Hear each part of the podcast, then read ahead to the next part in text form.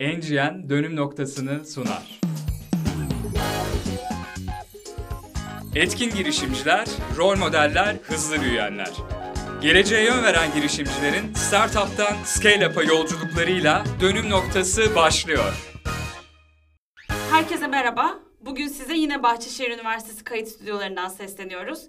Endeavor olarak başlattığımız Dönüm Noktası podcast serisinde geleceğe yön veren Türk girişimcileri ağırlıyoruz. Girişimcilerin scale-up şirketlerini büyütürken yolculuklarını şekillendiren önemli anları ve kişileri konuştuğumuz seride her bölüm yeni bir girişimciyi konuk ediyoruz. Bugünkü konumuz ise Foriba'nın kurucu ortağı ve CEO'su Koray Bahar. Foriba'nın genel müdürü ve kurucu ortağı Koray Bahar, şirketin 35 kişiden 220 kişiye, 2 milyon dolar gelirden 14 milyon dolar gelire, 30 müşteriden 15 bin müşteriye çıkan sürecini yönetti. 10 milyon dolarlık iki yatırım turunda Revo Capital, IFC ve Endeavor Catalyst'ten yatırım alan Foriba iki şirket satın alması gerçekleştirdi. 2019 yazında dünyanın önde gelen vergi teknoloji şirketi Sovos tarafından satın alınan Foliba'nın kurucu ortağı Koray Bahar, exit sonrası Avrupa, Orta Doğu ve Afrika Strateji Başkan Yardımcısı rolüyle Sovos'un Orta Doğu ve Asya politikalarına yön veriyor. 2015 yılında Endeavor girişimcisi seçilen Koray Bahar, exit sonrası Endeavor Türkiye Yönetim Kurulu üyeleri arasına katıldı. Aktif yatırım sürecine başlayarak hem kişisel hem de farklı risk sermayeleriyle ekosisteme destek olmaya devam ediyor. Koray hoş geldin. Hoş bulduk. Ee, öncelikle seni bir tanıyalım. Ee, girişimcilik hikayenden bahseder misin? Tabii ki enteresan bir girişimcilik hikayem var. Çalışmaya başladığım şirkette bir süre sonra ortak olarak, genel müdür olarak ve bütün bu maceranın içine paylaşan biraz farklı bir kariyer e, hikayem var. E, ben bilgisayar mühendisiyim. Doğu Akdeniz Üniversitesi'nden mezun oldum 2005 yılında. Ve o zamanki patronum, bugünkü ortağım Ahmet de üniversitede onların o zaman açtıkları bir ofiste part-time yazılımcı olarak çalışarak aslında kariyerime başladım. 2005 yılında mezun olduktan sonra da hiç iş aramadan onların İstanbul'daki ofisinde o zamanki adımız FIT danışmanlıktı. FIT danışmanlıkta e, full time yazılımcı olarak çalışmaya başladım. Aslında terzi işi yazılım yapan bir şirketti yani. Tam olarak öyle. Daha çok büyük kurumsal şirketlerin ihtiyacı olan entegrasyon işlerine yardımcı olan bir şirkettik. Ben başladığımda 2005 yılında full time başladığımda ya 7 kişiydik. E, bugün 220 kişilik bir organizasyon haline geldi.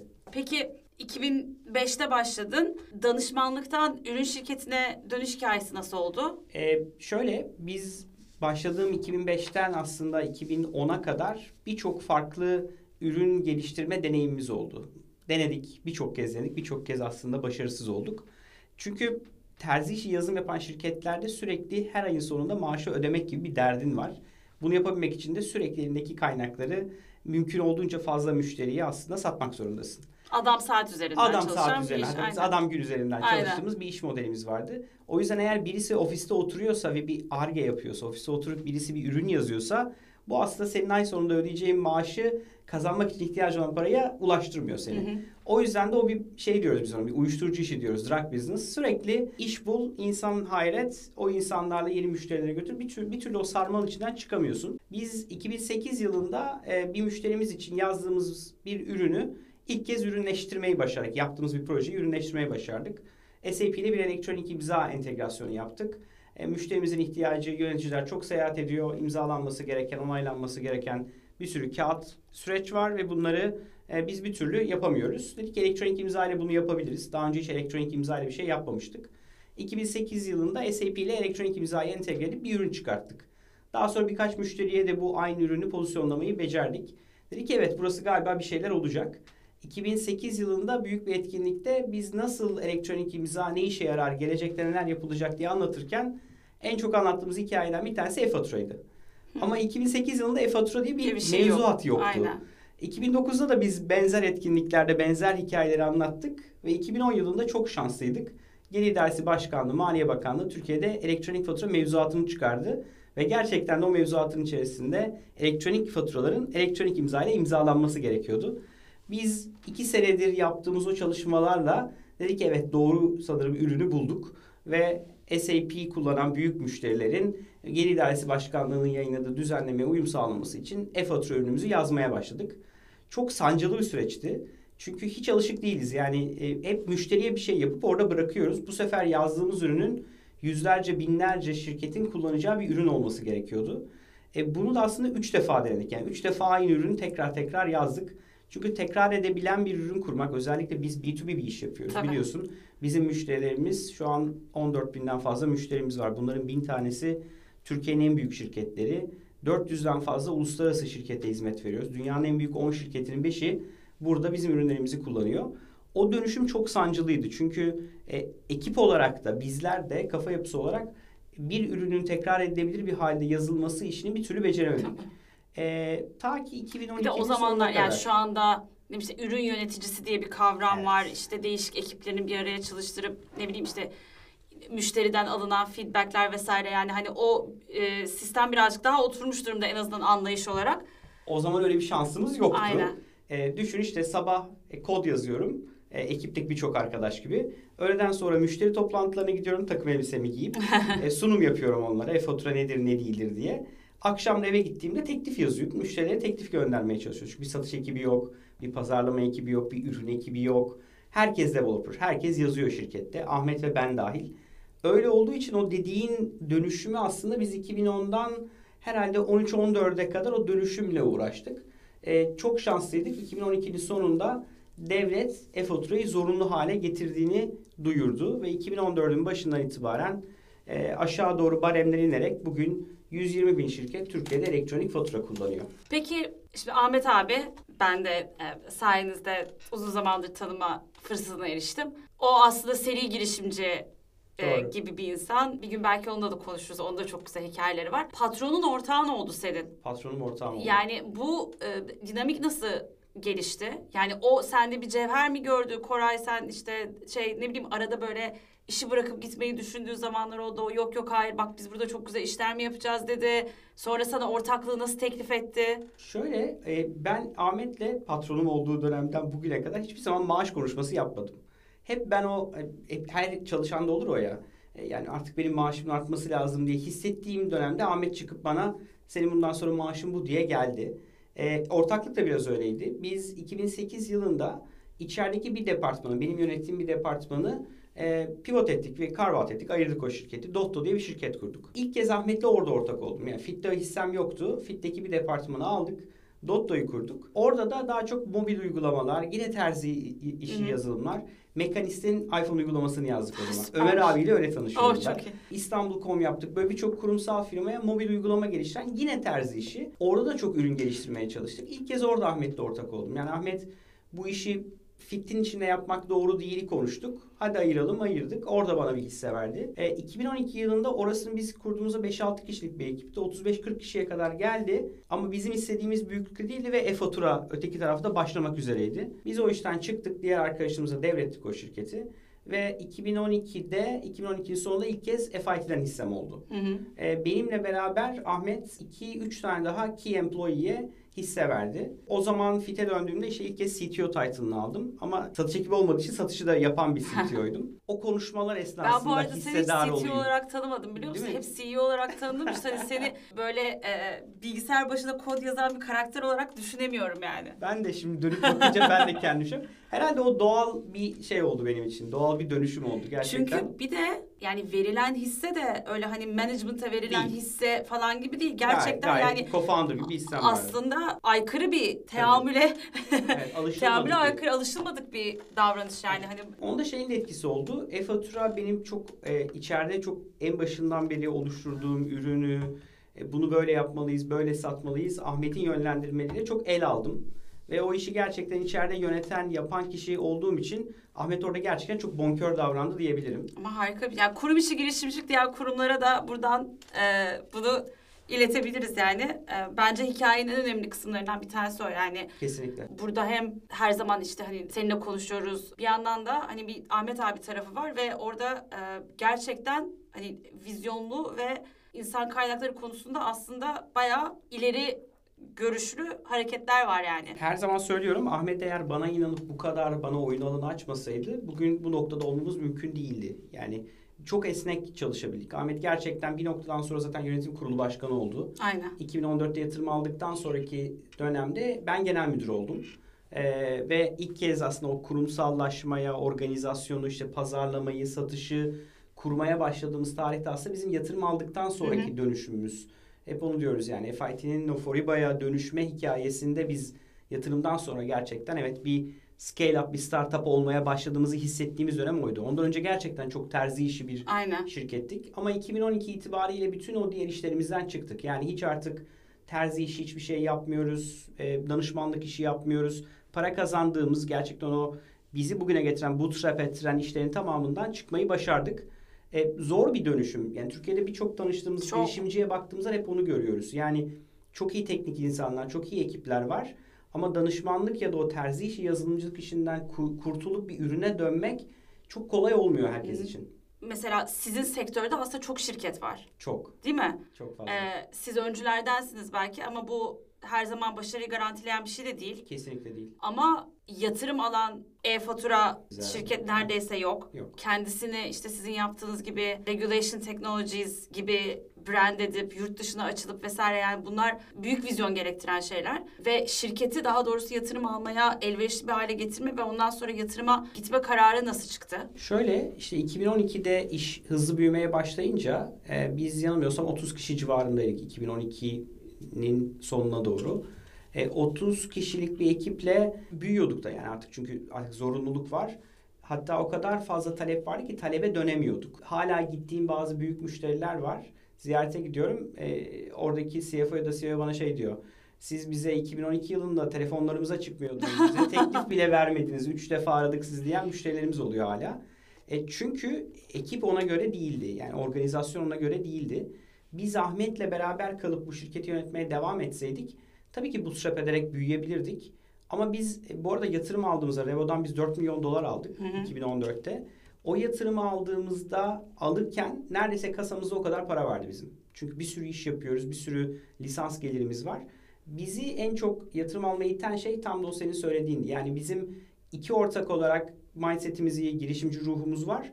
Ama bizimle beraber aynı tutkuyu paylaşan ve özellikle biz büyük müşterilerle iş yapmayı biliyorduk. Yani Türkiye'nin en büyük holdinglerinin tamamını almıştık neredeyse. Birçok Türkiye'nin büyük uluslararası şirketini almıştık. Ama bizim COBİ'lere gitmemiz lazımdı. Yani sonuçta büyüklerde bir yerde artık o pazar bitecekti. Aynen yani Ve- o platoyu da öngördünüz sonuçta. Öngördük ki daha çok erkendi. Yani aslında 2012'de bunu, 2013'te bunu konuşmaya başladık. Dedik ki bizi kim yapabilir? Ya bir ekip hire edeceğiz. Birilerini alacağız yanımıza. KOBİ'yi bilen, KOBİ'ye ya da küçük işletmelere iş yapmayı bilen. Ya da bir yatırımcı alacağız. Hem yatırımcı alırsak bizim için o ekibi, organizasyonu kurmakta da işte satış nasıl yapılır, prim sistemini nasıl kuralım, kimi işe alalım, kimi almayalım. Orada da Revo ile tanıştık. O tarihte birkaç tane daha yatırımcıyla görüşmüştük. Revo çok daha hızlı ilerledi. E, onların Türksel geçmişi sayesinde ürün nasıl paketlenir, nasıl satılır biz çok daha hızlı hareket edebildik. O tarihte ING Bank'la bir anlaşma yaptık. ING Bank bizim ürünümüzü white label'layıp satmaya başladı. Hmm. Onlarla bir ortaklığa gittik. O bize Kobi'deki ilk hareketi sağladı. E, ama bugün geldiğimiz noktada Kobi'de işte nereden baksak 13 bin tane müşteriye hizmet verir hale geldik. Tabii çok pivot ettik. Yani neredeyse hep hep söylüyorum her sene yeni bir şirket olduk. Organizasyon olarak, satış modelleri olarak, fiyatlama olarak hep yaptığımız iş aynıydı. Ama her sene bambaşka bir şirket halinde buna devam ettik. Yatırım alma sebebi tamamen oydu. Yani bizi daha iyi ileriye taşıyacak, biz de aynı tutkuya sahip birileri daha yanımızda olsun. Daha derli toplu bir hale gelelim. İşte bir CFO'muz yoktu. Bir satış organizasyonu, ürün organizasyonu yoktu. Herkes her şeyi yapıyordu ilk başladığımızda. Bugün geldiğimizde çok daha oturmuş bir hale geldik aslında. Peki sen de sonuçta neredeyse hayattaki tek işin bu. Böyle yöneticilik background'u olan bir insan değilsin. Tam tersine teknik Evet. background'dan geliyorsun. Ve fakat bu şirketi exit'e götüren CEO'suna dönüştün. Evet. Ee, bu dönüşüm nasıl yani kişisel hikayenden de biraz bahseder misin? Nasıl hani hep söylüyoruz satış ekibi kurman lazım işte e, satış motoru sales engine yaratman gerekiyor. Bunları söylemek çok kolay ama yapan insan olduğun zaman içgüdülerinle mi ilerledin? Kitap mı okudun? Birine mi danıştın? Ne yaptın? Şöyle FIT'de çalışmaya başladığım ilk dönemde de sosyal olarak çok aktiftim. Çok insan, çok arkadaş, çok e, görüştüğüm, fikir aldığım çok insan vardı. Bizim o terzi işi yazılımcılık yaptığımız dönemde biz SAP ile çok yakın çalışıyorduk. O yüzden kendimizi fiyatlamada, ürünü paketlemede özellikle büyük müşterilerde hep SAP örnek aldık. Yani SAP Bakım için yıllık %22 e, charge ediyor müşterisi. Biz de %22'yi charge etmeliyiz. SAP euro satıyor, biz de euro satmalıyız. SAP şöyle fiyatlıyor, biz de öyle fiyatlamalıyız. O bizim için güzel bir aslında. Çünkü B2B bir iş yapıyoruz. Dünyada B2B iş yapıp büyümüş çok fazla örnek alabileceğimiz şirket yoktu. Orada o modeller iyi tuttu. E, yatırım aldıktan sonra da e, çok doğru insanları ekibe katmayı başardık. Birçoğunu geçmişten tanıdığımız, beraber çalıştığımız, beraber iş yaptığımız işte SAP'den iki tane arkadaş transfer ettik. Ayhan CTO'muz onu transfer ettik. Bir başka firmadaydı.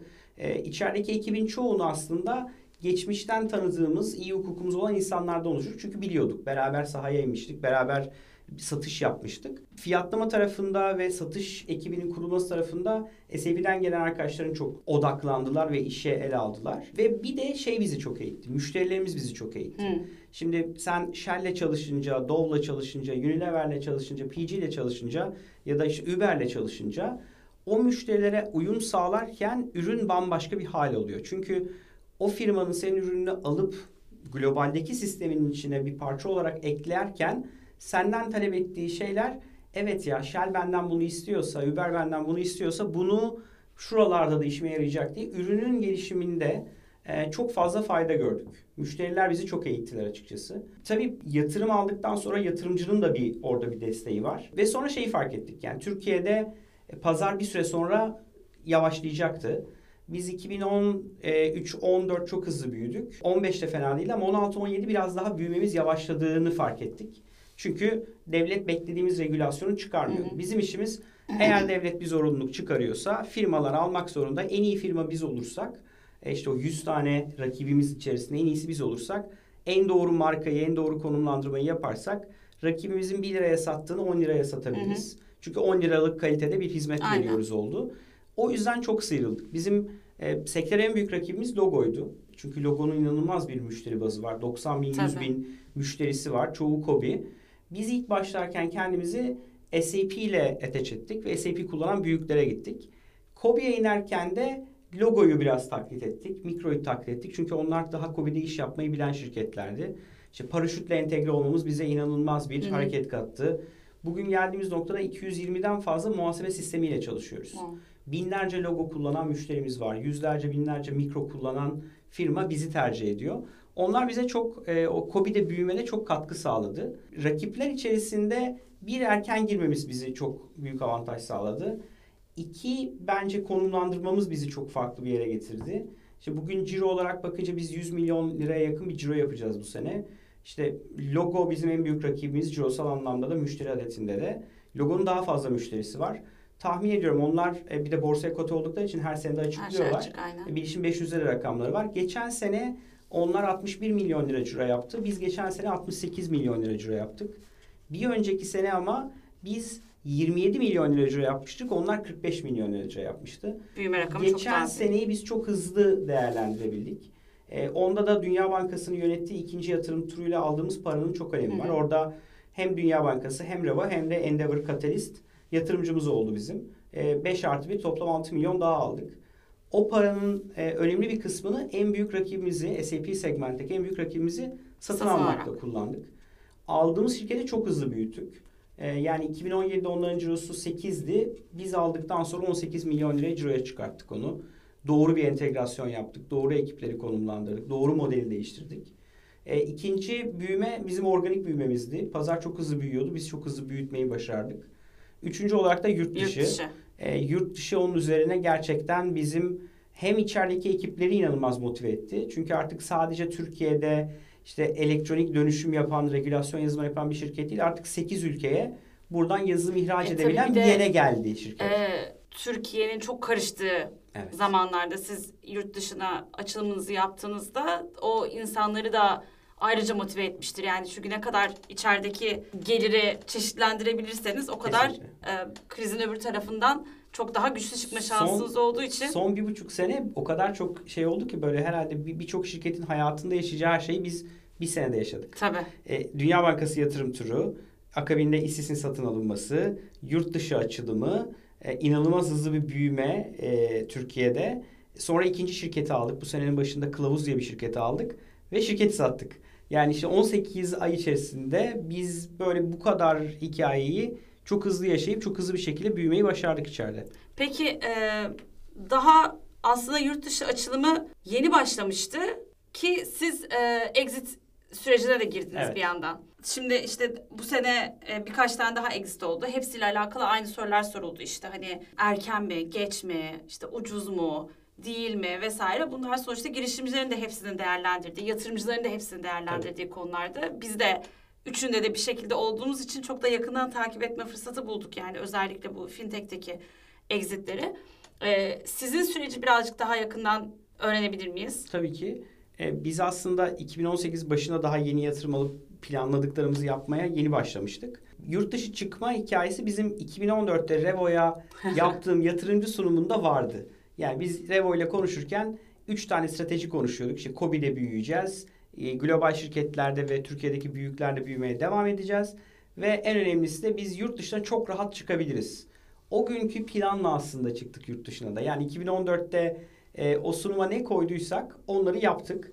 E, 2017'nin sonunda ilk kez dedike olduk ama. Yani 2014, 15, 16 hep konuşup part time ilgilendik. Ben atıyorum 2 hafta, 3 haftamı bir ülkeyi araştırmaya ayırıyordum. Sonra Türkiye'de bir, bir düzenleme çıkıyordu ya da önemli bir şey çıkıyordu. Onu rafa kaldırıyorduk. 2-3 ay Aynen. bakmıyorduk. Öyle odaklanmadığımız sürece bir türlü olmadı. Hep ne yapacağımızı, nasıl yapacağımızı bildiğimiz halde 2018'in sonunda da, e, 2017'in sonunda da ilk kez bir arkadaşı aldık bu işe. Ve onun tek rolü, görevi Türkiye'den hiç odaklanmadan, Türkiye'ye hiç bakmadan Türkiye'deki mevcut global müşterilerimize yurt dışında nerede iş yaparız? 3 ay yaklaşık 10 tane ülkeye baktık yani gidebileceğimiz.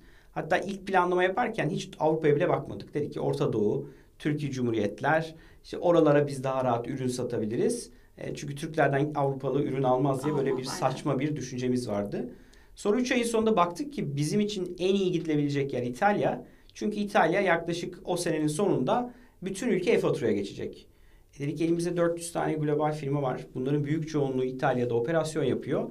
Ve biz çok hızlı bir şekilde İtalya'ya karar verip e, yazdı yanılmıyorsun. 2018'in yazında ilk İtalya uçak biletini aldık gittik. E, orada ilk İtalya'daki personelimiz Ayça ile tanıştık. Ayça şu an bizim İtalya'daki ofisimizde. E, İtalya'da bir şirket kurduk. İlk çıktığımızda kurmayı da planlamıyorduk aslında. Çünkü e, nasıl olsa Türkiye'den fatura kesebiliriz diyorduk. İtalyanlar da bizimkiler gibi biraz milliyetçi. fatura Türkiye'den gelecekse ben istemeyem diye, istemem diyen birkaç müşteriden sonra biz orada bir şirket kurduk. İlk çıkarken şeyi düşünüyorduk. Her gittiğimiz ülkede işte bir satışçı almamız lazım, bir hı. proje yöneticisi almamız lazım, bir yerel dile destek verecek birini almamız lazımdı. Şu an 8 ülkedeyiz ve sadece bir ülkede ofisimiz var ve yurt dışında sadece bir kişi çalışıyor. Ama İstanbul'da Ama İstanbul'da İtalyan arkadaşlarımız var. İşte İspan- İstanbul'da Polonyalı arkadaşımız var. Sırp bir arkadaşımız var. Nijeryalı bir arkadaşımız var. Türkiye'deki e, ekibimizin büyük çoğunluğunun İngilizcesi çok iyi. Bu sayede global projeleri zaten hep İngilizce yapıyoruz. O yüzden birçok işi Türkiye'de e, yabancılarla çözmeyi başardık. Bu hem kültür açısından çok iyi oldu. Çünkü işte İtalya'da bir ekip kurmak, Polonya'da, Macaristan'da bir ekip kurmak, İspanya'da bir ekip kurmayı kalksaydık belki bu kadar da çevik hareket edemezdik. edemezsiniz. Peki şunu da duyduğumuz oldu benzer şirketlerden. İşte Türkiye'ye odaklanan işte nispeten bu hani bir önceki jenerasyona ait yazılım şirketlerini uluslararası iş yapmaya kültürel olarak döndürmek çok zor. Çünkü ilk günden global olarak başlayıp işte DNA'na onu koymak var. Yani bu çok basit şeyler. Doğru. Hadi şirketin web sitesini İngilizce yapmaktan tut işte içeriye alınan herkesin İngilizce bilmesini sağlamak, insanların e, içine hani bunu oturtturmak ve bu Evet. vizyonla hareket etmek. Bir de bunu sonradan getirmek var. Bu dönüşümde yani kültürel dönüşümde zorlandınız mı? Şöyle bir, yine bir avantaj. Büyük müşterilerimizin çoğu yabancı olduğu için içerideki proje yöneticileri, ürün ekipleri, mühendislik ekipleri, destek ekipleri zaten İngilizce proje yapmaya, İngilizce ürün geliştirmeye zaten alışıktı. Yani yine o yurt dışına çıkarken de yabancı müşteri işimize yaradı. Türkiye'deki büyük yabancılar. Ürünü geliştirirken de işimize yaradı. Yurt dışına çıkarken de inanılmaz işimize yaradı. O yüzden bizim aslında genlerimizde hep iştahımız yurt dışında iş yapmak olmasına rağmen ancak 2018'de gerçekten odaklandıktan sonra onu execute edebildik. Siz yurt dışında her gittiğiniz yerde eleman almak yerine Türkiye'de aslında çok uluslu bir e, ofis oluşturmayı başardınız. E, sizin ekibinizdeki yabancı çalışanlara da ulaştık. Hi, um, this is Abdullah. I work with Foriba now servers, and um, for me, working in servers is a dream job for every professional because you have the opportunity to engage on projects with different global project teams because of the number of global projects we have and it gives you an insight on how projects are done in different countries and then uh, you also get the opportunity to deal with complex integration projects and as a professional that is an exciting position to be in Peki şunu da sorayım. Şimdi bu Türkiye'deki çok uluslu şirketleri kullanarak yurt dışına açılma hikayesini de mesela çok kişi deneyip başaramadı. Evet. Yani nasıl olsa biz burada işte bilmem kime iş yapıyoruz işte bizi oradakilere önerirler. Hatta böyle işte worldwide bilmem ne kampanyası ödülü aldık. İşte bunu şimdi 10 ülkeye de yaymak istiyorlar deyip ondan sonra arda arkası kesilen şeyler. Yani hani bu da aslında o kadar kolay bir şey değil. Hiç Bunu nasıl sağladınız? Bizim şansımız şuydu. Sayı çoktu bizde. 450 tane global müşteri vardı. 450'nin ilk sene bittiğinde 160 tanesine biz ulaşabilmiştik. Yani Türkiye'de müşterimiz olan yabancıların üçte birinin yurt dışındaki ekipleriyle konuşabilir hale gelmiştik. Yani sayı 10 olsa bu kurtarmayacak Sayı yani. olsa kurtarmayacak. Onların da e, ilk sene bittiğinde 16 tanesine satış yapabilmiştik. Yani aslında %10 oradan, %10 Aynen. da buradan. Çok böyle şey e, küçük bir subset. Ama o 15-16 tane müşteriden biz bir senede yani ilk senemizde yaklaşık 1.2-1.3 milyon euro ciro elde edebildik. O sayede de aslında yurt dışına yaptığımız yatırımın tamamını kendi kazandığımız parayla yapmayı başardık. Bir de o güveni sağladıktan sonra çünkü gittiğinde şunu soruyor doğal olarak şimdi Shell Türkiye ekibi çok seviyor bizi. Global e, IT ekipleriyle İngiltere'deki ekiplerle çok çalışıyoruz. Bir, bir sürü mesai yaptık. Bize güveniyorlar.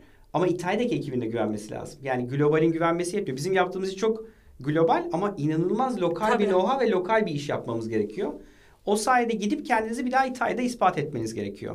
E, müşteriye gittiğinizde ilk soru şu. İtalya'da müşteriniz var mı? Hmm, Daha yok olmak üzere. O da bir sarmal. Yani her bir adımda bir, bir başka soruya çarpıyorsunuz. E, İtalya'yı artık işte 150-200'e yakın şirket var artık İtalya'da müşterimiz. Sonra Macaristan'a gittik. Sonra İspanya'ya gittik. Şimdi e, Norveç'e ürün satıyoruz. Yani Düşünün Türkiye'den Norveç'e ürün satıyoruz. İngiltere'de vergi beyannamesi yapıyoruz. Yani İngiltere'de dijital beyanname işlerini yapıyoruz. Niye Onlarca sattınız şirket o için. E, niye sattık o zaman? Hi- Hikayeyi sen sormuştun. Ha. Biz geçen sene yani 2018'inde yatırım aldıktan sonra e, yurt dışı hızlı büyüdüğünü görünce dedik ki biz yurt dışlara şirket alalım. Şimdi ICC iyi çalışıyor. E, yatırım alıp şirket almayı başardık. Yurt dışı iyi çalışıyor. O zaman biz yeni bir şirket almak için ya Avrupa ya da Asya Pasifik'e gitmemiz lazım. E, o dönemde de bizim yatırımcılarımızdan bir tanesi yeni fon kuruyor ve dediler ki ya biz partial bir exit yapabilir miyiz? Dedi ki hay hay yapabilirsiniz. Hatta bunu bizim stratejiyle de birleştirelim. Biz içeriye yeni bir fundraise edelim. İşte 10-15 milyon dolar daha raise edelim. Avrupa'da alacağımız ya da Asya'da alacağımız şirketin fonlaması için kullanalım. Siz partial bir exit yapın. Daha bu kur patlamadan önce Türkiye'de 3 tane e, çok büyük private equity ile görüşmeye başladık. Görüşmeler çok iyi gidiyordu, çok olumluydu. Structure kurmuştuk büyük ölçüde. Sonra geçen seneki o kurun bir anda işte 7'lere dayandığı, 6'lara dayandığı günlere gelince o görüşmeler biraz dondu. Hı hı. Biz dedik ki hazır ısındık. Herkes köşesine çekildi. Hazır ısındık. E zaten Dünya Bankası turu nedeniyle bütün finansallarımız hazır, yatırımcı deklerimiz hazır. Orada söylediğimiz her şeyi deliver ettik. Hazır bu dekimiz varken hadi yurt dışına gidelim. Peki şey oldu mu? Ya çok bilinmez bir döneme giriyoruz. Kendimizi garantiye alalım. Bu konuşmalar defalarca yapıldı. Yani defalarca e, bunu konuştuk. Yani ne olacağı belli değil. Bu arada şöyle bir şey avantajımız var.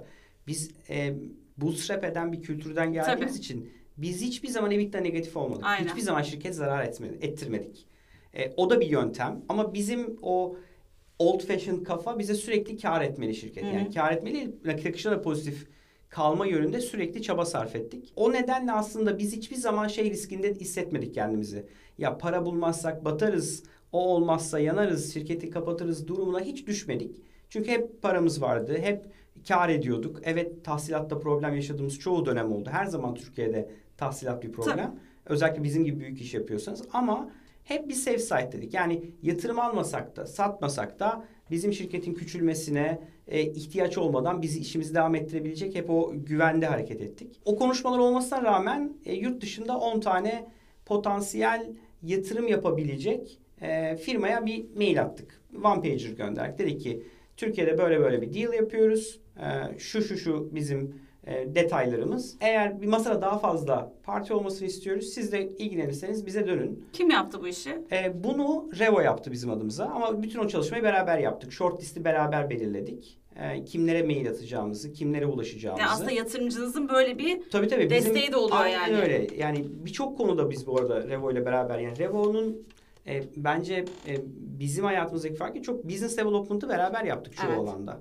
İşte Figo Para carve out ettiğimiz işimiz hala bizde. E, Figo Para'nın fikirden ürüne dönmesinde Revo ile beraber çalıştık. O yüzden sadece bir finansal yatırımcı gibi değildi. Hep beraber iş geliştirdiğimiz e, bir ekip oldu Revo bizim için. Foriba bizim için hem çok keyifli hem dolu dolu geçen bir yatırım deneyimi oldu. Daha ilk günden e, Revo'nun değer teklifinde bulunan birçok unsuru hayata geçirme fırsatımız oldu. Başında yatırımı yaptığımız günde Ahmet ve Koray'la aslında hep bir en büyük hayalimiz global bir şirket yaratabilmekti. Ve bu doğrultuda yarattığımız şirket stratejileri, birlikte yarattığımız ürün stratejileri, bunu destekleyecek olan organizasyon şeması, sonra birlikte o kutuları en doğru kişilerle doldurmaya çalışma e, aksiyonlarımız aslında e, Foriba için çok iyi bir başlangıç oldu. Daha sonra Foriba'da e, dolu dolu demenin temel nedeni önemli bir M&A deneyimi yaşandı. Sektördeki en büyük rakibini satın aldı Foriba ve bunu çok başarılı bir şekilde içselleştirdi. En büyük rakibinin olmadığı bir e, dönemde tabii çok daha hızlı büyüyebildi. Daha sonra bir spin-off deneyimi de oldu. Ürün çeşitliliğinin ve mevcut e, gücünün getirdiği e, yepyeni bir tedarikçi finansmanı ürününü devreye aldı ve bununla ilgili bir şirket kurdu. Figo'yu böyle kurduk hep beraber. Buralardaki paslaşmalarımız, buralarda birbirine olan desteklerimiz bence çok güzel bir hikayeydi. Revo olarak biz her zaman her yatırımda ilk önce takımın gücüne inanıyoruz. Burada da e, Foriba'nın başarısında özellikle e, Ahmet ve Koray'ın hem vizyoner davranması, buradaki e, çok güzel bir ortaklık ahengini e, temel neden olarak görüyorum. Bu doğrultuda bugün artık global bir şirket haline gelmiş Foriba'nın tüm çalışanlarını Ahmet ve Koray'ı gönülden kutluyorum. Ee, sonra bu 10 firmadan ikisi olumsuz, 8 olumlu döndü. Ee, bir sonraki görüşmelere başladık. 5 tanesiyle NDA imzaladık. Data room açtık. Ee, Sonos onlardan bir tanesiydi bizim ulaştığımız. Çok enteresan bir şekilde bizim onlara ulaştığımız dönemde de onlar Türkiye pazarında bir şirket almak için buraya bakıyorlarmış. Oo. Bizimle ilgili bilgileri ticaret odasından her yerden toplamaya çalıştıkları bir anda biz onlara one düştü. bütün Ya verileri vermiş olduk. Çok yani büyük şans yani ya gerçekten. bir takım zamanlamayı sonuçta şans değil kendin yaratıyorsun aslında. Ama bir takımı da şans değil mi Şans yani? Gerçekten öyle. Onların da şöyle bir stratejisi var. Sovos e, dünyada 60 ülkede e-fatura yapıyor ya da vergi teknoloji üzerine ürünler geliştiriyor. En büyük pazarı Latin Amerika ve Kuzey Amerika. Avrupa'ya 3 sene önce girmişler. Avrupa'da, İngiltere'de, Hollanda'da bir de Stockholm'de toplam 3 ayrı şirket alıyorlar.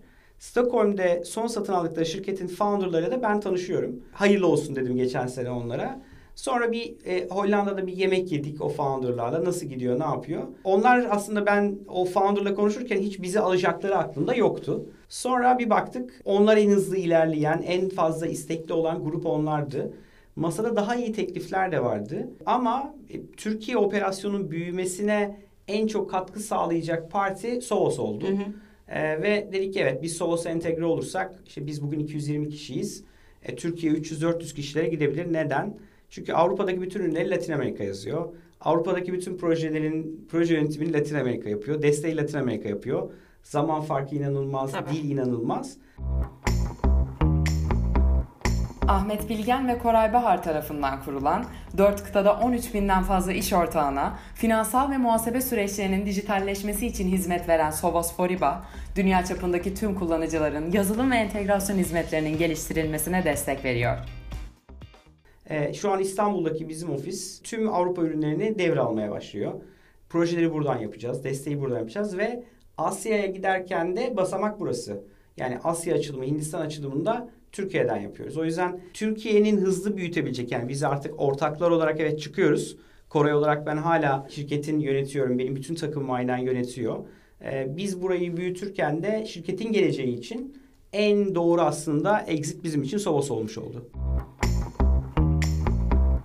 2018 yılında bir önceki yıla göre cirosunu Türk lirası bazında 2,5 kat arttıran Sovos Foriba, 2019'u da benzer bir büyüme oranıyla bitirerek 2020 yılında %30 oranında büyümeyi öngörüyor. Daha önce Foriba altında yer alan e-dönüşüm çözümlerinin Sovos S1 platformuna entegre edilmesi sürecinde olan Foriba, uluslararası şirketlerin vergi yükümlülüklerini tek bir merkezden yönetme imkanı sağlayacak. 2020 yılında Latin Amerika, Kuzey Amerika, Batı Avrupa ve Türkiye'deki uzman e-dönüşüm ekipleriyle başta Avrupa olmak üzere global ölçekteki şirketlerin yeni vergi zorunluluklarına uyum sağlamalarına destek verecek olan Sovos Foriba, büyük ölçekli SAP projelerinin yönetiminde de önemli bir rol üstlenecek. Bu exit sürecini sanki karar verdik, yattık kalktık, ee, bir bakmışız exit etmişiz gibi anlatıyoruz da tabii o da kendi içinde aylar süren, yine sizinki bence oldukça temiz bir süreçti yani. Çünkü onlar da ne istediklerini çok iyi bildikleri biliyorlar. için exit sürecinde seni ne şaşırttı? Bir de şöyle bir şey var şimdi bizim işte yatırımcılar, girişimciler vesaire hani yatırım almaya, yatırım yapmaya alıştık ama exit halen daha çok iyi bilmediğimiz bir kas aslında. Ee, o yüzden hep beraber öğrenildi birazcık da. Doğru. Seni en çok şaşırtan şey ne oldu o süreçte? Bizinkisi aslında şimdi süreye bakıyorum. Dışarıdan bakınca inanılmaz kısa bir süre. Biz Eylül ayında ilk mailde buluştuk. Ee, Ekim ayında telekonferanslara bak. Ekim ayında telekonferanslar ve yüz yüze ilk kez Sovos'un Sovos'ta bir private equity tarafından e, yüzde yüz sahip bir şirket HG Capital. İngiltere'de HG ile ve Sovos'la ilk kez masaya oturduk. Kasım'da fiyat konuşmaya başladık. Aralık'ta fiyata el sıkıştık. E, ocağın ilk haftası due diligence'a geldiler tüm ekip. E, ve biz e, Mayıs 22'de süreci tamamladık. Tabii şöyle bir durum var. Bir dediğin gibi şirket iyi gidiyor ve sen işte due diligence'tasın, satmak istiyorsun. No shopping var yani başkasıyla görüşmemen lazım ve görüşmüyorsun. Ama herkesten de sana yağmur gibi talep geliyor. Hani böyle bir anda böyle hani derler ya ürün değerlendi Tabii. şirketten inanılmaz bir şey olmaya başladı. ilgi artmaya başladı. E, Türkiye biraz daha görece işte seçimde oydu buydu olmasına rağmen e, kur o 7'lerden daha normal Tabii. bir yerlere geldi. Bu arada Herkesin- el sıkıştığınız noktadan sonra şirket atıyorum yüzde otuz büyüdü ama tabii değerleme o kadar büyümüyor. Değerleme Onun da şeysi var büyümüyor. böyle otururken ah ah. Benim en çok Sovos'la ilgili e, Sovos'a bu letter of intent'i yani biz sizinle devam ediyoruz başkasıyla görüşmeyeceğiz demeden önce ona karar vermedeki en büyük etken bir önceki satın aldıkları şirketlerin founderlarıyla konuştum. Onlar bize şunu söylemişlerdi. Ne anlaştıysak rakam olarak bitirimde de aynı rakamla bitirdik. Ama Bu sizde çok- şey de olmadı bu arada. Herhangi bir işte dolar kuruyla alakalı içeri bir clause koyalım. Bizde kendimizi hiçbir- şey evet, yapalım. bizde earnout yok. Yani çok böyle bence her anlamıyla unik bir Evet. deal oldu bizimkisi. Çünkü hiçbir hissedar ya da yönetici için bir lock period yok. Yani yarın herkes isterse ben dahil çıkıp e, ben teşekkür ediyorum gidiyorum deme hakkım var. E, alacağımız paraların tamamını neredeyse aldık. Hiçbir şey earnout'a bağlanmadı. Yani şu olursa bunu Aynen. veririz. Piyasada bu olmazsa bunu vermeyiz gibi bir condition'ımız da yok. Onun sebebi bence alıcının e, şirket politikası. Çünkü Evet. alan grup e, bir private equity. Bu Sovos'un altına belki 20 tane 30 tane şirket alacaklar. O yüzden çok temiz bir cap table Aynen. istiyorlar. Yani condition beklemiyorlar. Ama bizim burada kalmamız için tabii ki sonrasında satın almadan sonra bir sürü farklı e, teklifleri getirdiler. E, o sayede de bütün ekip içeride yani. Ben içerideyim, CFO'muz Evren içeride, e, satış direktörümüz Kenan içeride, Ayhan içeride. O yüzden bütün herkesi tutmak için ellerinden geleni de yapıyorlar ve onun o en büyük motivasyonları. Bunda 11 defa yapınca nasıl hareket etmeleri gerektiğini de çok iyi biliyorlar. E, o yüzden o tecrübeyi, o best practice'i bence çok iyi bir şekilde bize uyguladılar. O sayede iş büyümeye ve devam ediyor ve devam edecek bundan sonrasında. Biz şeyi 21 Mayıs'ta imzaladık. E, ilk önce içeride duyurduk. Sonra işte public anons ettik. E, rekabet kurulu beni en çok korkutanlardan bir tanesiydi. Çünkü bilmiyordum. Tabii. Yani ne, ne başımıza geleceği bilmiyordum. O süreç içerisinde Sovos ya da Sovos'un ekibinden öyle beni şok eden eyvah hayatta olmaz bunu kesin kabul etmeyeceğiz diyen bir şey yaşamadık.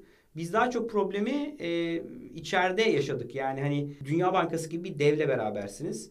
E, Dünya Bankası ile beraber iş yapmak çok kolay değil. Devlet gibiler çünkü. Devlet gibi yani kendi kanunu varmış. Ben bunu Tabii. e, satış yaparken öğrendim. Dünya Bankası kanunu diye bir kanunları var. Orada bütün o kadar grubu aynı çizgiye getirip herkesin aynı kağıda imza atmasını sağlamak çok kolay olmadı. Şey diyorum roller coaster gibiydi. Yani biz 21'inde imza aldık ama bir hafta önce hatırlıyorsun bu iş olmayacak. Olmayacak, Bir hafta önce. aynen. Yani ben Amerika'daydım. Normalde o hafta biz kutlama yapacağımızı düşündüğümüz bir hafta.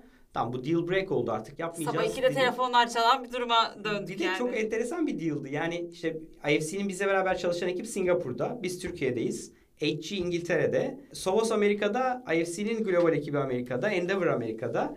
Bu kadar grup, bu kadar e, farklı time zone'da hiç deal'ın üzerine güneş batmadı yani.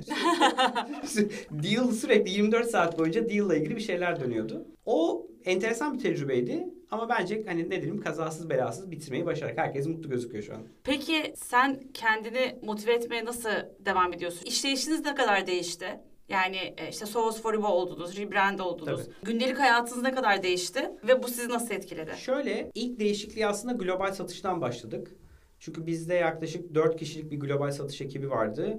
Onlarda herhalde 30-40 kişilik bir global satış ekibi var. O yüzden hızlı bir şekilde Türkiye ürününü globalde satmak için organizasyonu ona uygun hale getirdik. Bulut'un şu an ekibiyle beraber rolü, Bulut bizim yurt dışı satış ekibini yönetiyor. Rolü Türkiye ürünlerini yurt dışındaki satışçılarla Sovos'un diğer müşterilerine sattırmak.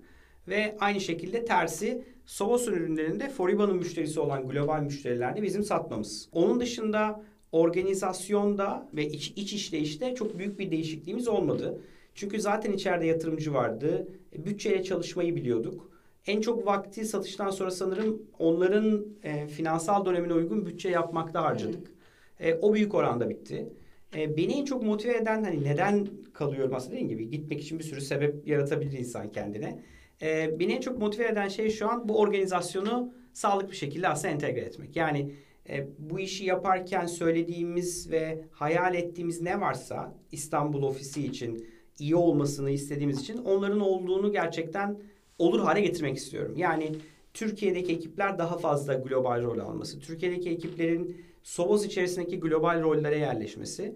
Ayhan şu an Sovos'un e, product ekibinde. Sovos'un Hmm. bütün SAP ürünlerinin product owner'ı Ayhan oldu. E, Gökhan Arkitektimiz Sovos'un Arkitek ekibiyle beraber Sovos'un dünyasındaki bütün ürünlerin tasarımını yapmaya başlıyor. E, Türkiye'deki e, .NET, Java ürün geliştiren ekiplerimiz Sovos'un Avrupa'daki e, teknik ekibine katılıyor. Artık sadece Türkiye değil, Sovos'un bütün dünya hizmet veren ürünlerini geliştirmeye başlıyor. SAP ürünlerini geliştiren arkadaşlar sadece Türkiye ve Foriba'nın ürünlerini geliştirmek yerine Sovos'un tüm dünyada kullanılan ürünlerini geliştirmeye Çok ciddi başlıyor. bir kariyer fırsatı Herkes ve için çok iyi bir kariyer fırsatı. bir vizyon yani Aynen herkese. öyle. E, Türkiye'deki satış ekiplerimiz Kenan, e, burada Ali inanılmaz işler çıkarıyorlar. Türkiye'de 100 milyon lira ciro yapmak bir şirket için kolay Tabii değil. ki. B2B satış yapan bir şirket için. E, bu ciroyu yapabilen arkadaşlar artık Türkiye'deki başarılarını hem bundan sonra sürdürmek hem de Sovos'un içerisindeki o best practice'i yaymakla uğraşacaklar. Evren CFO'muz artık bana raporlamıyor. Amerika'da bir patronu var. Ona raporluyor. Ama bütün ekip o, o motivasyonu çok fazla üzerinde Sen hissediyor. kime raporluyorsun? Ee, benim e, şöyle benim title'ım 1 Aralık'ta değişti. Ee, ben 1 Aralık itibariyle VP of Strateji oldum Sovos içerisinde. Amerika'da e, Global VAT e, Line of Business'ın sahibine aslında raporluyorum. Steve diye çok muhteşem birisi. O da benim gibi şirketini, e, Latin Amerika'daki şirketini Sovos'a satıyor ve Sovos gibi devam ediyor. E, Sovos'ta en çok hoşuma giden aslında e, kültür o. Satın aldıkları şirketlerin yöneticilerini içeride tutmayı başarmışlar. Ay. Yani 60 kişilik böyle bir executive ekip var. 60 kişinin 30-35 tanesi satın almalarla ekibe gelen ve şu an Sovos'u yöneten Aa, şirket e, şirketini O yöneten yüzden ekip haline kafalarda aynı yani böyle Çok kültürel benziyoruz. E, Steve'le hep birbirimize şey diyoruz. Farklı kıtalardaki kuzenler gibiymişiz. İş yapış şekillerimiz benziyor, satış modellerimiz benziyor, tecrübeler çok benziyor. Müşterilerde yaşadıklarımız benziyor. Örneğin işte biz Procter Gamble'la ilgili bir şey söylüyoruz. O diyor ki abi bize Procter Gamble'da Latin Amerika'da şunu yapmıştık. Şunu yaşadık, şunu da kolaydı, şu zordu. O bizim için böyle çok birbirine yakın kültürler olduğu için ekipler daha rahat çalışıyor. Ne, ne fark etti? Biz çok hızlıydık. Yani biz bir ülkeye girmeye karar vereceksek ülkeyle ilgili bir regülasyon varsa örneğin Hindistan e, biz ertesi gün karar verip Hindistan'da iş yapmaya başlayabiliyorduk. Müşterilerimize iki gün sonra bakın Hindistan'da bu ürün var biz bunu yapıyoruz hatta yaptık diyorduk daha yapmadan. E, ve gerçekten de deliver ediyorduk. Bugüne kadar yapıyoruz deyip yapamadığımız hiçbir şey olmadı. Müşteriler bize güvendi. Sovos 1500 kişilik bir şirket. Yüz milyonlarca dolarlık geliri var. E, işte 60 ülkede iş yapıyor. O yüzden onlar bizim aldığımız o riski almadan önce birkaç adım geçirmek istiyorlar. E, o bir tek farklı. Hani benim Kore olarak ya da ekibin bizim alışık olmadığımız şey. Çünkü bizim e, çok teknik bir kadro var bizde. Ama o teknik kadrodaki herkes çok e, ticari düşünme e, artık yetileri çok gelişti. Evet. Yani Ayhan da çok ticari, Gökhan da çok ticari, Hasan da çok ticari. Bunlar Ama teknik çünkü Ayhan yönetiyorlar. zaten İtalya'ya gidip müşteri toplantısında oturan bir CTO, adamdı yani. aynen evet öyle. işte Yani- yani... normalde olmayacak bir şey. Bu birazcık herhalde sizin kültürünüzle alakalı. Aslında birazcık kaynak eksikliğinin getirdiği e, ama sonuçta sizi pozitif etkileyen bir şey. Diğer taraftan müşteri de pozitif etkiliyor. Tabii. Müşterinin önüne sadece bir account manager oturmuyor bizde hiçbir zaman. Mutlaka yanında ürünü çok iyi bilen birisi oturuyor. E, B2B işlerde çok kaçınılmaz bir şey o. Yani teknik bir insan oturduğunda e, yetmiyor. Çünkü birinin o satışı kapatması lazım. Tek başına satışçı oturduğunda yetmiyor.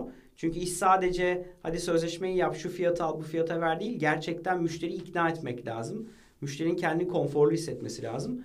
Bence biz onu çok iyi çözdük Türkiye'de ve yurt dışında da bunu çok iyi çözdük. E, Sovoso bundan çok memnun. Yani hem müşteri bazından çok memnun, hem Türkiye'deki yeteneklerden çok memnun. Bir de unutmayalım çok ucuzuz. Yani Tabii. Türkiye şu an e, ki bizim e, ortalama maaşlara baktığımda Türkiye'den biz hep böyle baremlerin üzerindeyiz. O e, medyanın hep üzerinde bizim maaşlarımız. Ona rağmen Avrupa'ya baktığımızda, Amerika'ya baktığımızda e, çok ucuzuz. Tabii canım iki buçuk üç katından Evet. bahsediyoruz yani. Evet. Peki şimdi biraz hem senin ekosistemde aldığın rolden birazcık da ekosistemi nasıl gördüğünden bahsetmek istiyorum. Biz seninle işte Endeavor seçim sürecinde tanıştık. Ee, Endeavor girişimcisi oldunuz. Endeavor Kateri size yatırım yaptı. Beraber exit ettik. Yönetim kuruluna girdin Endeavor'ın. Yani böyle ekosistemdeki Her rolü aldım yani. yani bizim aslında hayal ettiğimiz döngü yani sonunun mutlaka Endeavor Yönetim Kurulu üyeleri bitmesi gerekmiyor ama ekosisteme geri veren bir e, girişimci profili ki bunun da bu şekilde ilerlemesi gerekiyor zaten. Bir e, Endeavor'ın bu süreçte sana etkisi ne oldu? Yani Endeavor'dan aldığın önemli geri bildirimler, oradaki deneyimin seni nasıl etkiledi bir girişimci olarak? E, Biz 2015'te Endeavor girişimci seçildik. Ben Endeavor'ı onun öncesinde işte sosyal medyadaki paylaşımlardan girişimcilikle ilgili yaptığı uzaktan gördüğüm bildiğim bir isim. Ama Endeavor nedir, ne yapar en ufak bir fikrim yok. Beni Endeavor'a mutlaka girmelisin diyen ilk e, itici güç Cenk Bayraktar. Ha süper. Ee, Cenk e, sayesinde ben Endeavor'ın ne olduğunu daha iyi anladım. İstanbul'daki seçim paneli inanılmaz keyifliydi. Ama Endeavor'ın ne olduğunu ben Amman'daki uluslararası seçim paneline gidince anladım. Yani Tabii. orada çünkü ilk kez bir rol alıyorsunuz. Orada bir, bir şeyiniz var, yaptığınız bir, bir iş var ve onu anlatıyorsunuz.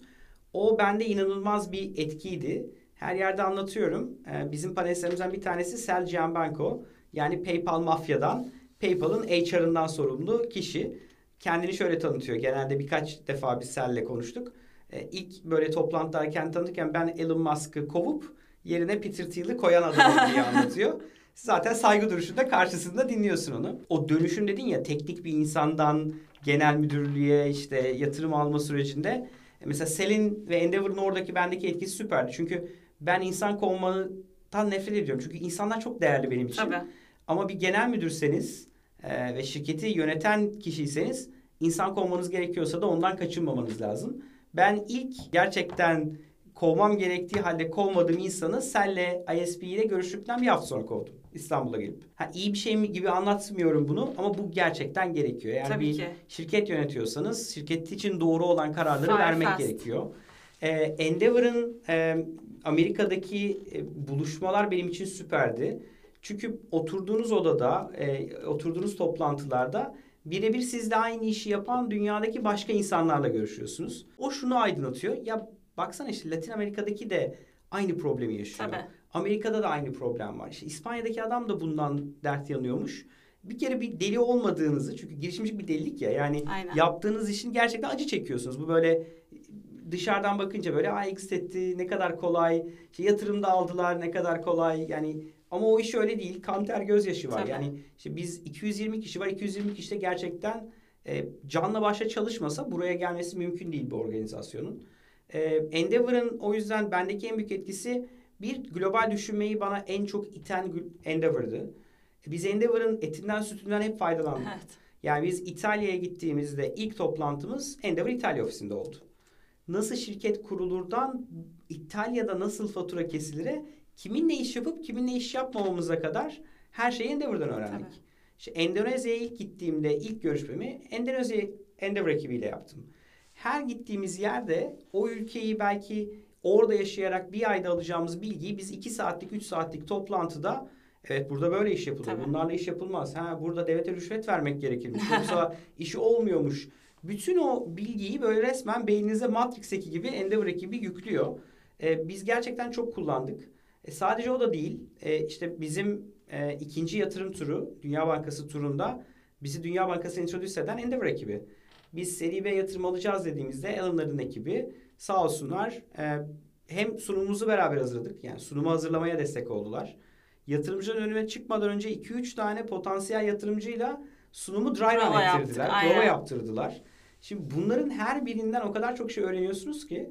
E, Sonra Amerika'da bize bir roadshow ayarladılar. E, Hem Bay Area'da hem Washington'da hem New York'ta 12-13 tane bizi yatırımcıyla introduce ettiler. Ve çok konforlu bir şey değil mi? Birisi sizi Tabii. bir yatırımcıyla tanıştırıyor ve diyor ki ya e, Aslı mutlaka bu şirkete bakmalısın. Tam sizin alanınızda böyle böyle başarılar yaptılar.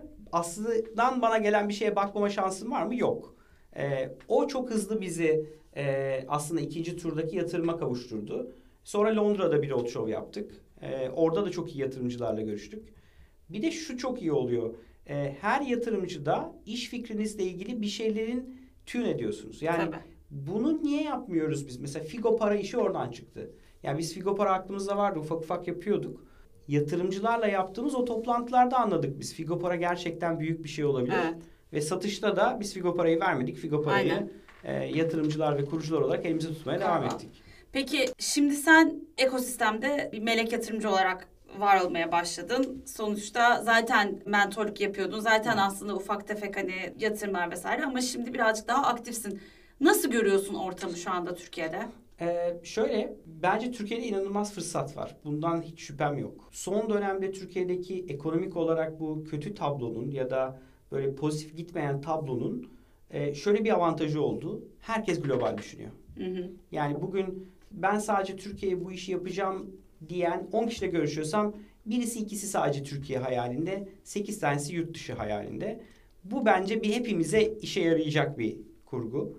Ee, ben exit sonrası işte ilk melek yatırımımı yaptım. İşte Ekmom'a bir yatırım yaptım. Ee, iki tane fona şu an commitment'ım var. Bir tanesi Endeavor'ın fonu, bir tanesi Delay'in fonu.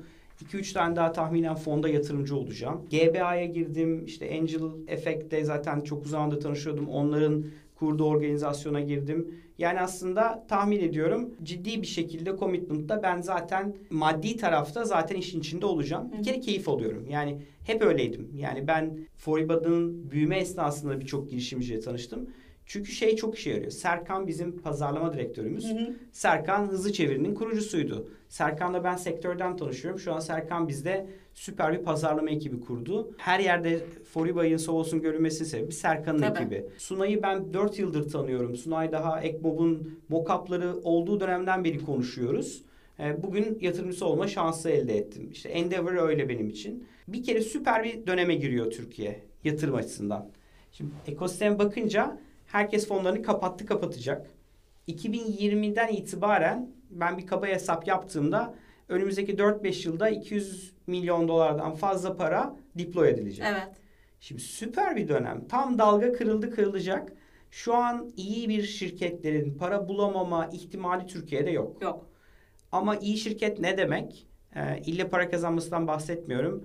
Gerçekten modeline güvenilen, gerçekten global düşünen, ya ben sadece Türkiye'de bunu yapam, yapacağım ve süper olacağım diyen hiç kimsenin para alması mümkün değil artık Hı hı. bence Türkiye'de. Birçok bence o finansal e, yoldaki her bacak hemen hemen artık var. Peki her iş illa global midir? Yani E, Değil, kesinlikle olmak zorunda değil. e, ama Türkiye'ye iş yapan insanların da yatır yani bazı modellerin yatırma ihtiyacı var. E, bazı işler Türkiye'ye onu- yapılacak. E, ama şu anda yatırımcılar asla Türkiye'ye iş yapacağım diyen şirketlere bakmıyorlar. Şöyle, Şimdi ben yatırımcılarla konuşuyorum ya. Şimdi şunu da devam edeyim çok affedersin. Çünkü biz bir Endonezya pazarı değiliz, bir Çin pazarı değiliz. Hani tamam iç pazarımız hiç yok da değil yani. Böyle hani kesinlikle. burada Bi- bizi düşünsene yani. Ya bir Geçen takım seneye kadar insanların- yoktuk yani Türkiye yurt dışında. Geçen seneye kadar yoktuk. Şunu görüyorum ama fonlar hani dedim ya Türkiye iş yapan şirketlerin bulması daha zor. Ama her fonun yatırım tezinde yüzde 10-15 Türkiye'nin iyi şirket, Türkiye'nin kolay ikaz, Türkiye'nin paraşütü, Türkiye'nin Foribası, Türkiye'nin izikosu. E, bu şirketler için her fonda şey var. Bir, bir, bir yer var. 200 milyon, 250 milyon dolar dağıtılacaksa önümüzdeki işte atıyorum 3-4 yılda tahminen bunun 20-30 milyon doları, 40 milyon doları yine sadece Türkiye pazarındaki iyi şirketlere gidiyor olacak. Ama eğer yurt dışına iş yapıyorsan alabileceğin pastadaki pay daha büyük gözüküyor. Çünkü orada da sonuçta yabancı yatırımcılar ve stratejikler Türkiye'ye tekrardan bakmaya başladıklarında Burada bir şey olması lazım. burada bir şey olması lazım yani alacak. O yüzden tabii onların da fonlanması gerekiyor. Yani sonuçta Türkiye pazarını Es geçmememiz lazım. es geçmemek lazım diye de bir yandan düşünüyorum. Doğru. Çünkü burada sonuçta hani az buz bir pazar değil. Fakat pazarı çok doğru okuması lazım değil mi girişimciler? Yani çoğu zaman yola çıktıklarında işte hani bize böyle senelerdir işte genç nüfus kredi kartı penetrasyonu bilmem ne falan filan hani bunlar eşittir alım gücü ya da bunlar Değil. eşittir pazar olmuyor. Yani hani orada gerçekten o nişi bulup oradan e, yürüyebilecek şirketler için yine de bir Kesinlikle. ümit var herhalde. Biz düşünsene biz mesela ilk başladığımız günde diğer rakiplerimiz gibi yapsaydık yani herkese her şeyi yaparız diye başlasaydık burada olamazdık.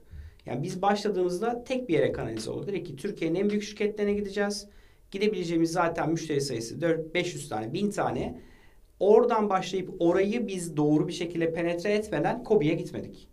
Oysa rakiplerimiz sadece Kobi'den başladı. Neden? Çünkü orada çok basit bir Excel hesabı vardı işte. Her bin tane müşteri alsam hepsi 10 bin tane fatura kesse fatura başı 1 lira kazansam o zenginim Evet. business planı vardı. Biz dedik ki orada o işi yapmamız bizim zor. Biz büyük yerle gidelim. İşte 100 bin, 200 bin, 300 bin, 500 bin, 1 milyon liralara ürün satalım. Biz onu başardığımız için Kobi'de bugün çok hızlı büyüyebiliyoruz. Yani birçok rakibimiz regülasyon yokken büyüyemezken işte biz Türkiye'deki bütün Uber şoförlerini e-faturaya geçirdik. Türkiye'deki bütün Glovo e, kuryeleri şu an birçok farklı şirketin böyle şahıs e, çalışanlarını biz e-faturaya geçiriyoruz. Şirket kuruyoruz. Bunlar ucuca koyduğunda aslında Tabii. çok böyle fas fas. Şimdi ilk gün biz deseydik ki e, kuryeleri e-faturaya geçireceğiz. e, Gülerdi insanlar Tabii. herhalde bizde. Yani e, ya da Uber şoförlerine e-faturaya geçeceğiz. Yapamazdık da zaten o gün. O yüzden böyle sattığınız ürünü doğru pazarda doğru segmente odaklamak lazım. Yani tüm Türkiye bir şey yapmak özellikle ben B2B işler için söylüyorum. Şimdi B2C tabii ki başka bir dünya. Orada çok tecrübem yok ama doğru segmenti, doğru fiyatı bulmak kolay değil ama doğru yere atmadığınız sürece de onu yakalamak çok kolay olmuyor. Senin bundan sonra yeni bir girişim planın var mı? Girer misin tekrar bir yola? Bundan sonra ben girerim bu yola. Ee, zaten aslında var elimizde şirket. Yani Figo şu an biz Tabii, aslında o da hala bir benim startup bir yani, girişimim. aynen. Ee, Ahmet'le daha önce kurduğumuz, devam eden girişimler var ama ben Figo'ya çok inanıyorum. Ee, Türkiye ve Türkiye benzeri ülkelerde e, KOBİ'lerin finansa ulaşmasının ne kadar zor olduğunu çok iyi görüyorum.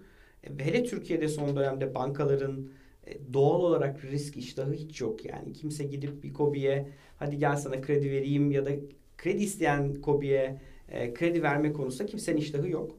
E, Figo'yu biz 3 senedir aslında üzerine çalışıyoruz. Bugüne kadar 500 milyon TL'ye yakın e, finansmana eriştirdik KOBİ'leri. E, bugüne kadar 20 bine yakın KOBİ kullandı bu platformu. E, oraya ben çok inanıyorum. E, bugün orada executive bir rolüm yok. Yani o gün burada sadece yönetim kurulundayım.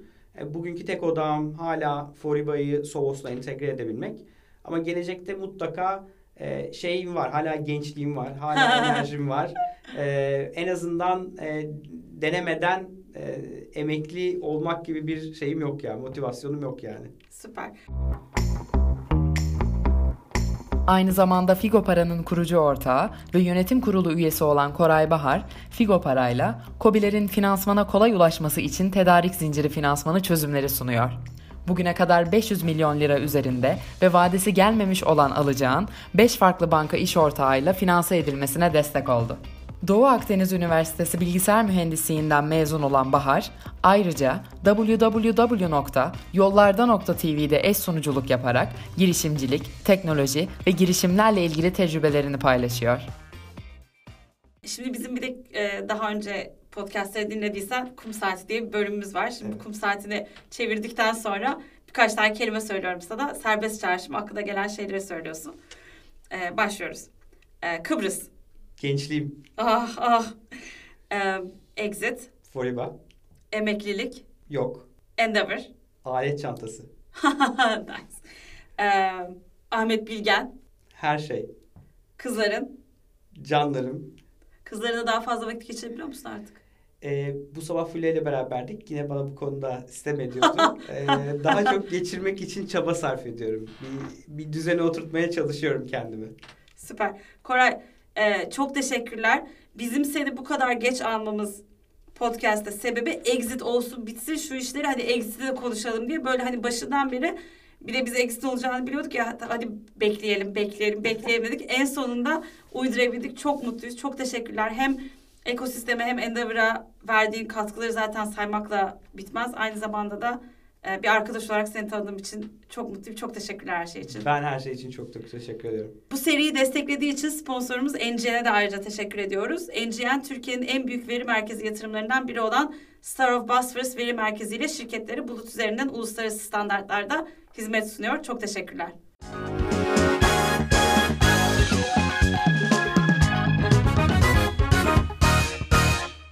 NGN dönüm noktasını sundu.